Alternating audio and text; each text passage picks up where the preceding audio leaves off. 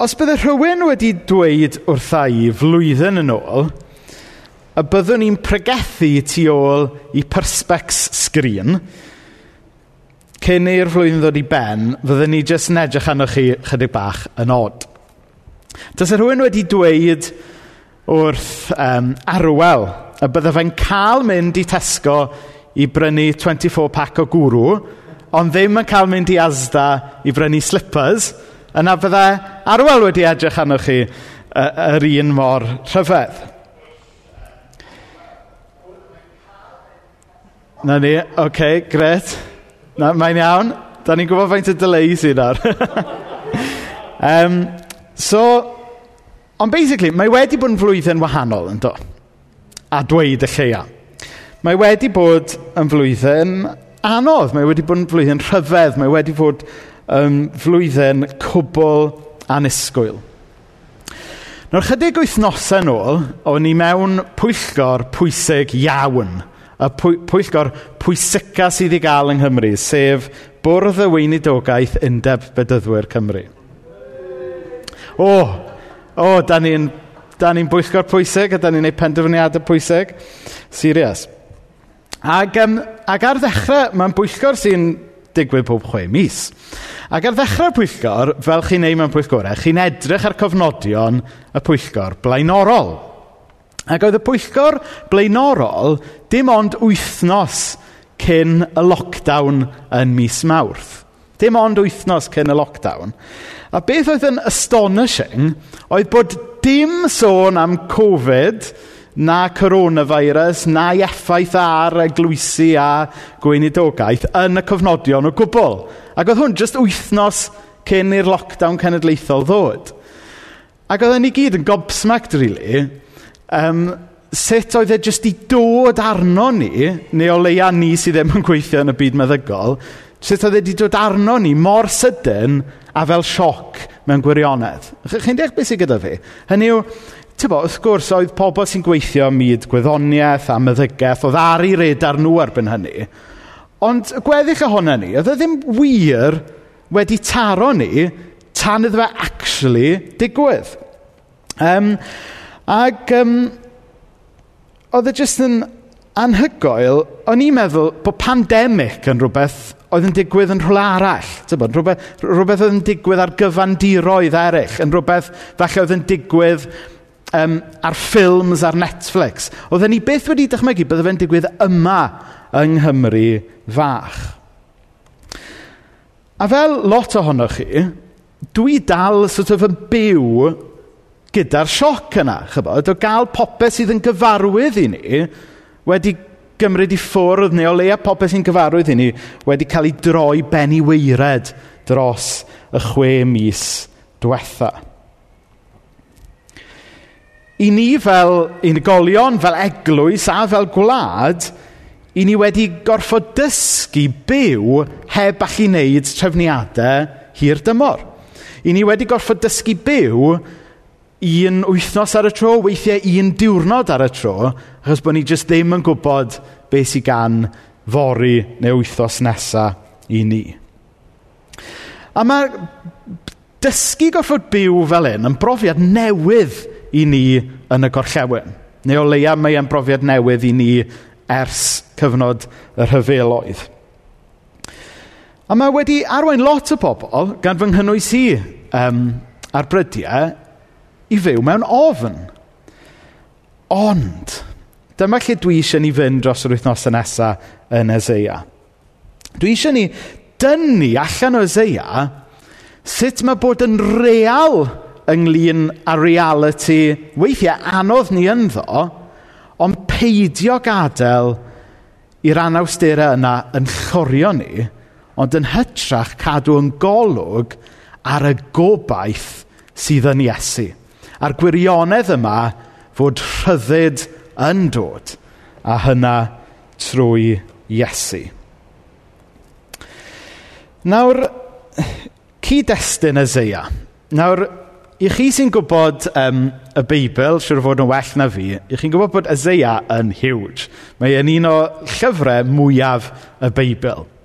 A dwi ddim yn sicr ddim yn ei wneud cyfiawnder ohono fe yn yr, yn y pedwar neges fydd gyda fi dros yr wythnosau nesaf. A dwi ddim hyd yn oed mynd i drio roed rhyw fath o overview i chi.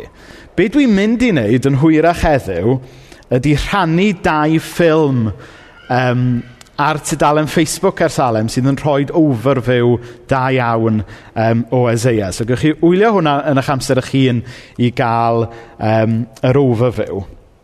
Ond beth sy'n bwysig i chi wybod yw hyn. Er bod Ezeia'n siarad am y reality o bobl ddew yn wynebu barn, yn wynebu tywychwch, yn wynebu dryswch wrth iddyn nhw drio roi gobaith mewn pob fath o lefydd, mae yn lyfr sydd yn tynnu pobl o'r lle tywyll yna tuag at obaith. Ac felly fi'n meddwl bod yna bethau da gan y proffwyd Ezeia i ni wrth i ni edrych ymlaen i'r nadolig lenni. Oedd pobl ddew yn amser Ezeia, oedd nhw wedi crwydro. Oedd nhw wedi crwydro'n bell o ddi wrth ddew, Ac o ganlyniad i hynna a lot o complications eraill, nath nhw gael eu gorchfygu gan yr Asiriaid a'r Babiloniaid. A gath nhw eu cymryd i ffwrdd i'r geithglyd, yr exile. Um, chi ga, ga, gathen nhw'n llythrenol i cipio i ffwrdd, um, i weithio fel caethweision yn unasoedd ei gylynion. Nawr, jyst dychmygwch am eilad sut brofiad oedd hwnna. Cael cael eich byd cyfan yn cwmpo i ddarnau a cael eich cymryd i ffwrdd o bopeth sy'n gyfarwydd i chi. Cael eich cymryd i ffwrdd o le i chi'n cyfri fel cartre ac i rwto halen yn y brew bod chi'n cael eich cymryd i ffwrdd i ddinasoedd y gelynion o'r pobl sy'n neud drwg i chi. Nawr, dychmygwch y sioc fysa pobl ddew wedi mynd trwyddo fe yn y foment yna. Nawr, yn naturiol, allwn ni ddim dychmygu yn union sut brofiad oedd hwnna. Hyd y gwn ni, does neb yma wedi cael yr union brofiad o gael eich cipio i ffwrdd i wlad arall. Ond eto, ych chi'n gweld y parallels, mae'n siŵr, gyda beth da ni fel gwlad ac fel eglwys ac fel unigolion yn mynd trwyddo ar hyn o bryd. Da ni hefyd i raddau gwahanol a llai, dwi'n derbyn, ond da ni i raddau wedi cael, yn byd wedi cael i droi ben i weired. Da ni wedi cael yn cynlluniau a'n breuddwydion wedi i dwy'n bron a bod dros nos.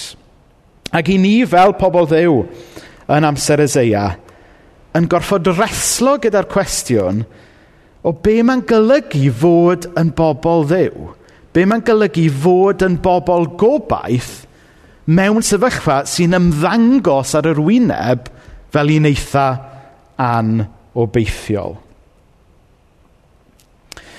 Nawr, mae pobl yn meddwl mai mwy na thebyg mae Ezeia ei hun nath sgwennu hanner cynta Ezeia, a wedyn bod yr ail hanner wedi cael ei sgwennu gan broffwydi eraill yn rhaddodiad Ezeia. Ond gewch chi fynd i edrych ar hwnna yn eich amser eich hun. Ond y byd dwi eisiau dweud ydy hyn. Pan i ni'n dweud mai proffwydoliaeth oedd hwn, be dwi ddim yn golygu ydy proffwyd fel sort of mystic meg. Chi'n fod? Chi'n cofio mystic meg? Ar beth oedd hi? Oedd hi ar Oedd hi ar teledu slawer dydd. Oes rhywun yn cofio Mystic Meg? Ie, oedd jyst rhyw fath o fenyw bach yn, bach yn rhyfedd oedd yn meddwl bod hi'n gallu darogan pwy yn mynd i ennill y loteri a, a rhyw fath o bethau fel yna. Wel, nid proffwyd fel yna oedd Ezeia. Yn hytrach, oedd Ezeia yn broffwyd oedd yn gwybod i ysgrythurau, yn gwybod y Beibl os hoffech chi, ond oedd e hefyd yn gallu darllen yr amseroedd Oedd e'n gweld beth oedd yn mynd ymlaen yn wleidyddol, yn ddiwylliannol, yn economaidd. A wedyn, achos bod e'n gwybod i ysgrythurau, ond hefyd yn deall beth oedd yn mynd ymlaen o'i gwmpas e, oedd e'n gallu siarad gair dew wedyn mewn i sefyllfa y dydd. Fel wedodd rhywun unwaith, a prophet should be someone who has a Bible in one hand and a newspaper in the other. Hynny yw bod mae angen i ni wybod be mae gair Dyw am byty, ond mae angen i ni wybod be sy'n digwydd yn cwmpas ni hefyd, yn does? Er mwyn i ni allu siarad geiriau gobaith mewn i be sy'n digwydd o'n cwmpas ni. Felly, yn Ezeia, dros rwyth nos yn nesaf, gobeithio gallwn ni weld beth yw e i ni fel Cresnogion ac Eglwys fod yn broffwydol yn y foment yma da ni hefyd yn ffeindio'n hunan ynddo uh, e, mewn hanes. Yn yr un ffordd ag oedd, oedd Eseia'n gwybod i ysgrythurau, mi angen i ni wybod yn Beibl. Ond yn yr un ffordd hefyd, ac oedd Ezeia yn darllen yr amseroedd, yn gwybod beth oedd yn mynd ymlaen, dylen ni hefyd fod yn switched on i beth sy'n mynd o gwmpas, beth sy'n mynd ymlaen yn y newyddion, beth sy'n mynd ymlaen yn yn cymuned a'n gwlad ar hyn o bryd. So ni'n mynd i ddarllen, um, ni'n mynd i gychwyn bore yma drwy edrych y rhai adnodau o Zeia 40, sef dechrau ail hanner y llyfr. So Eseia 40, adnod 1. Cysurwch nhw, cysurwch fy mhobol i. Dyna mae eich dew yn ei ddweud. Byddwch yn garedig wrth Jerusalem a dweud wrthi fod y dyddiau caled drosodd. Mae hi wedi derbyn y gosb am ei drygioni. Yn wir, mae'r arglwydd wedi gwneud iddi dalu'n llawn am ei holl bechodau. Mae llais yn gweiddi'n uchel. Cliriwch y ffordd i'r arglwydd yn yr anialwch. Gwnewch briffordd yn syth i ddew drwy'r dyffeithwch. Bydd pob dyffryn yn cael ei lenwi, pob mynydd a bryn yn cael ei lefelu – Bydd y tir anwastad yn cael ei wneud yn llyfn, a bydd cribau'r mynyddoedd yn dir gwastad. Bydd ysblander yr arglwydd yn dod i'r golwg, a bydd y ddynoliaeth gyfan yn ei weld yr un pryd. So gynta, dwi eisiau ni feddwl am yr adnod gynta yna, lle mae um, Ezeian neu o leia proffwyd yn rhyddodiad Ezeian dweud cysurwch nhw Cysurwch fy mhobol, dyna mae eich Duw yn ei ddweud. Nawr, ar yr olwg gyntaf, mae'r broffidol, mae'r benod yma'n dechrau bach yn sentimental yn dydy. Chyfo, pan ni'n meddwl am cysuro, ni'n meddwl, o, oh, na neis, cysuro. Ti'n gwybod fi'n meddwl fel, tyfod, fatha, o Andrew, dan ma, gaf fi roi cwtch i ti, gaf fi cysuro ti nawr. Tyfod. Dyna, dyna yw'r math o um, syniad modern sydd gyda ni o be ydy cysuro. Ond beth sydd yma mewn gwirionedd um, ydy rhywbeth lot fwy gritty. Um, be sydd yma ydy adnabod y reality oedd pobl ddew yn ffeindio hunan ynddo fe, a'i wynebu fe head on yn hytrach na jyst i swcro fe neu bod yn sentimental amdano fe. Ystyr cysuro fan hyn ydy dysgu beth ydy dycnwch. Getting a grip, toughening up mewn gwirionedd. Dyna ydy'r syniad beiblaidd o be ydy cysur mae Eseia'n cyffwrdd anno fe fan hyn. A mae e'n concept beiblaidd, ni'n gweld trwy y Beibl, yr holl ffordd trwyddo o sut mae Job yn delio gyda um, y pethau ofnadwy a the trwyddodd, yr holl ffordd trwyddo i pan oedd yr apostol Paul yn siarad efo y Crisnogion cynnar oedd yn cael ei erlyd. Pan mae Paul yn, yn siarad am, am cysuro y disgyblion, dwi e ddim yn sôn am, o, oh, dewch ma, tybo boes bach. Beth yw e? Ydy dysgu bod dycnwch, endurance, dyfalbarhad yn rhan o'r alwad i fod yn ddisgybl. Ie, bod yn real ynglyn â'n struggles, bod yn real ynglyn â pethau anodd ni'n mynd trwyddo fe, ond dysgu hefyd bod jyst rhyw fath o sentimentalrwydd ddim yn ddigon i gario ni trwy y profiadau anodd yna. Be sy'n mynd i gario ni trwy y profiadau anodd yna ydy dysgu disgwyl oddi wrth yr arglwydd. Dysgu dycnwch. Dysgu dyfalbarhad hyd yn oed pan mae pethau yn anodd. A dyw'r ddisgyblaeth ysbrydol yna ddim yn dod yn hawdd i ni grisnogion yn y byd modern. Achos, da ni yn y byd modern, da ni wedi arfer efo instant satisfaction, yn dydyn. Da ni wedi arfer efo quick fixes i'n problemau trwy'r amser. Ond yn hanesyddol, mae pobl ddiw wedi gorfod dysgu dyfal barhau drwy dymhorau hir weithiau o galedu mewn bywyd cyn bod y rhyddid falle yn dod. Felly dyna mae Eseia'n dweud wrth y bobl fan hyn, wrth, wrth gysuro nhw.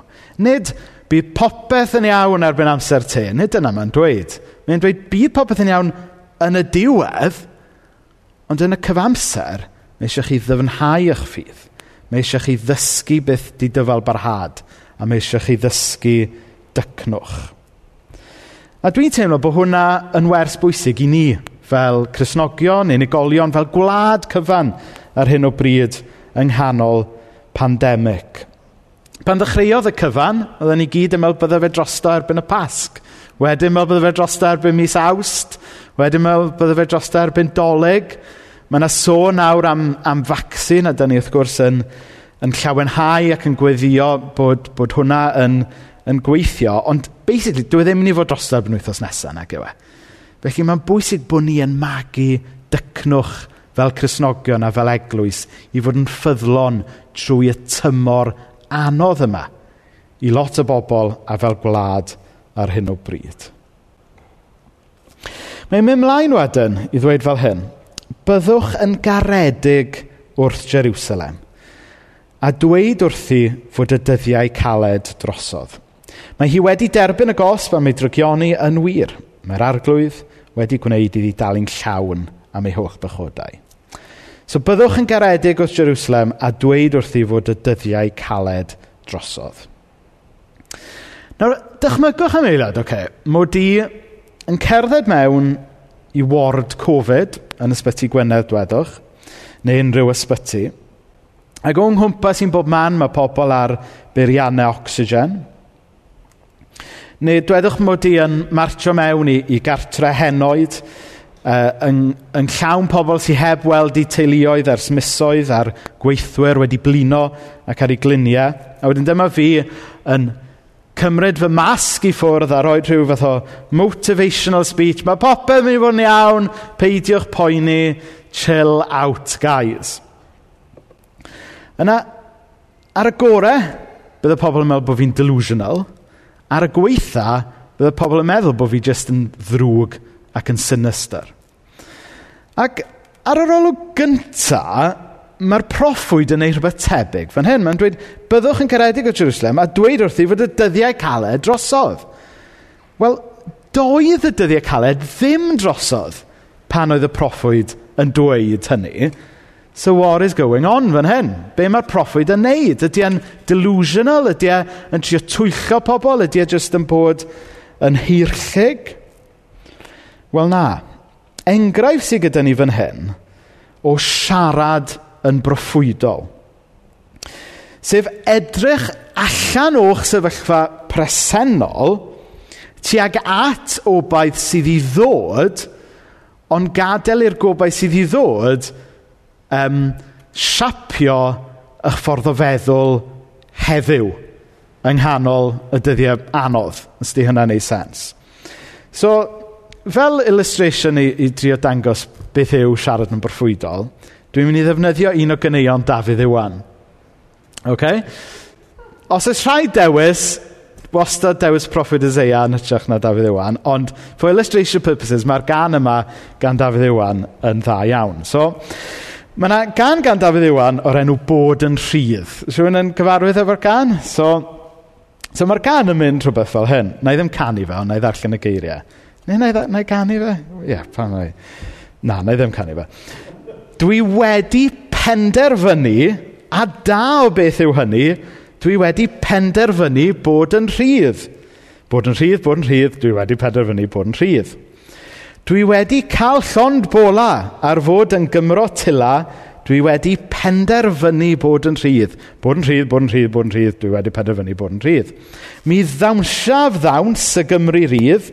Mi ganaf gan y Gymru rydd. Dwi'n yfed i doriad yr hyfryd ddydd. Y bydd pob Cymro yn rhydd. Nawr, yn ôl diffiniad Dafydd Iwan, dydy Cymru ddim yn rhydd mae Cymru dal yn rhan o, o Brydain. Ond eto, mae Dafydd Iwan yn dewis canu a byw fel tasau Cymru yn rhydd. Chi'n chi deall sut mae Dafydd Iwan yn helpu ni ddeall beth yw siarad yn broffwydol fan hyn nawr? Dwi'n siŵr bod pobl adre gan gynnwys mam yn crinjo nawr yn gwrando ar hwn. Ond, dyw, dyw Cymru ddim yn wlad annibynnol, dyw Cymru ddim yn wlad rhydd. Ond eto, mae Dafydd Iwan yn y can yn annog y Cymru i feddwl yn seicolegol ac i fyw fel tasau Cymru yn rhydd. A dyna beth sy'n mynd mlaen fan hyn um, yn Ezeia.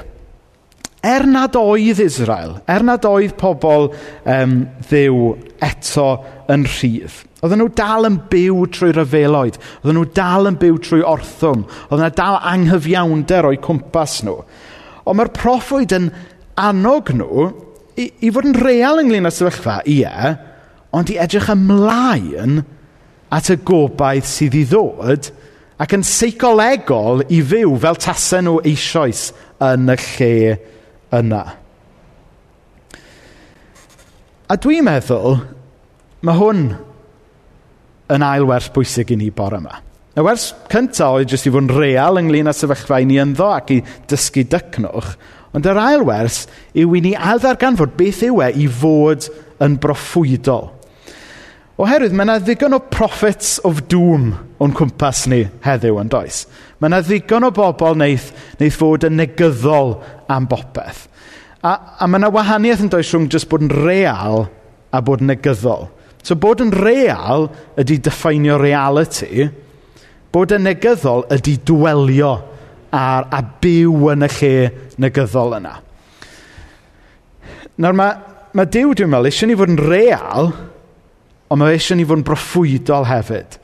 Sef, hyd yn oed yn y lle anodd yma, mae fe eisiau ni bron yn ysbrydol ac yn seicolegol i fod mewn rhywle arall. Mae eisiau ni gadw yn llyged ar y gobaith sydd yn Iesu. Felly sut i ni wneud hynny? Wel, drwy edifarhau. Y rhan nesaf. Mae llais yn gweiddi'n uchel. Cliriwch y ffordd i'r arglwydd yn yr anialwch. Gwnewch briffodd syth i ddew drwy'r diffeithwch. So mae'r geiriau yma gan y proffwyd yn adleisio geiriau gath i wneud yn enwog e, gan rifoedd wedyn gan Iwan Fedyddiwr wrth bod yn galw pobl i edifarhau cyn bod Iesu yn dechrau i weinidogaeth gyhoeddus. Ac ystyr llythrenol edifarhau ydy, mewn ffordd, i newid eich meddwl. Neu fel mae Tom Wright yn dweud, to rethink your thinking. Dyna ydy hau, i ailfeddwl eich meddwl. Nawr oedd Israel yn amser Ezea, ond nhw wedi cochi ffocws. Ond nhw wedi roed i ffydd mewn pwerau ac awdurdodau gwleidyddol. Oedden nhw wedi meddwl mae'r ffordd o oroesi oedd jyst bod fel y cenhedloedd eraill, ac o'n nhw jyst i cael eu hunain mewn i rhywbeth o vicious cycle. Oedd angen i bobl ddew yn amser y zeia edifarhau. Oedd angen iddyn nhw newid i meddwl, rethink their thinking. A ganrifoedd wedyn, dyna mae Iesu yn gwneud wrth alw pobl a cyhoeddi fod teyrnas ger llaw. Oedd Iesu'n cyhoeddi fod teyrnas ger llaw pan oedd y rhufeiniad dal o gwmpas. Da ni yn dweud fod teyrnas ger llaw er fod y pandemig dal o gwmpas.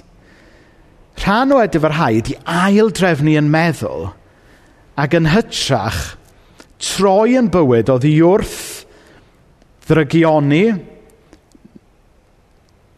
y negativity sy'n dod o bethau, ac at Iesu sydd yn rhoi maddeiant a sy'n rhoi bywyd newydd a sy'n rhoi persbectif mwy a hir dymor i ni. I ni'n cael yn herio i weld fod dew ar ei orsedd hyd yn oed yng nghanol pandemig. Yn yr un ffordd, Ac oedd Eseia yn galw ar bobl ddew i weld fod Duw ar ei orsedd er gweitha'r Babiloniaid, a Iesu yn galw pobl i weld bod Iesu ar ei orsedd er gweitha'r Rhyfeiniaid. Mae ynglyn â persbectif. Mae ynglyn â peidio gadw i'r hyn sy'n reit o'ch blaen chi effeithio ffordd da chi'n gweld popeth. Rhan o edrych ar hau ydy troi oddi wrth beth sy'n reit o'ch blaen chi i weld y persbectif tragwyddol a bod teirnas ddew ger llaw.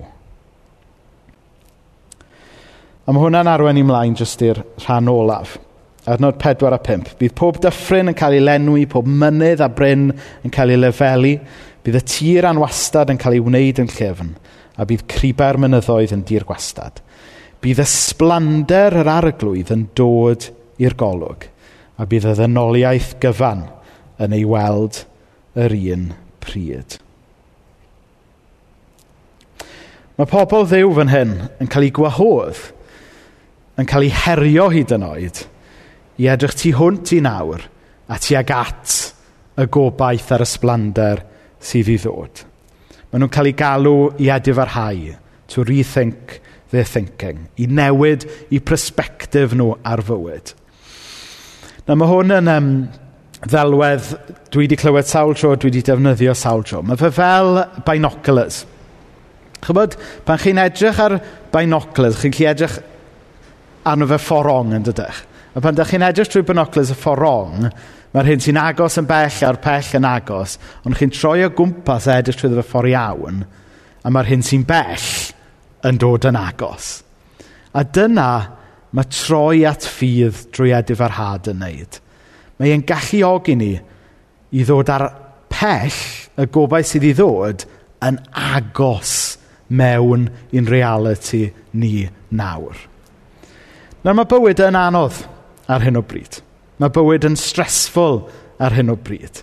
Mae e, a chybod, ni'n ni, ni gwneud y fach o yn diwen stressful gwisgo masks ac yn y blaen. Mae hwnna'n ddim byd i gymaru gyda be mae rhai teuluoedd a rhai gweithwyr yn mynd trwyddo ar hyn o bryd.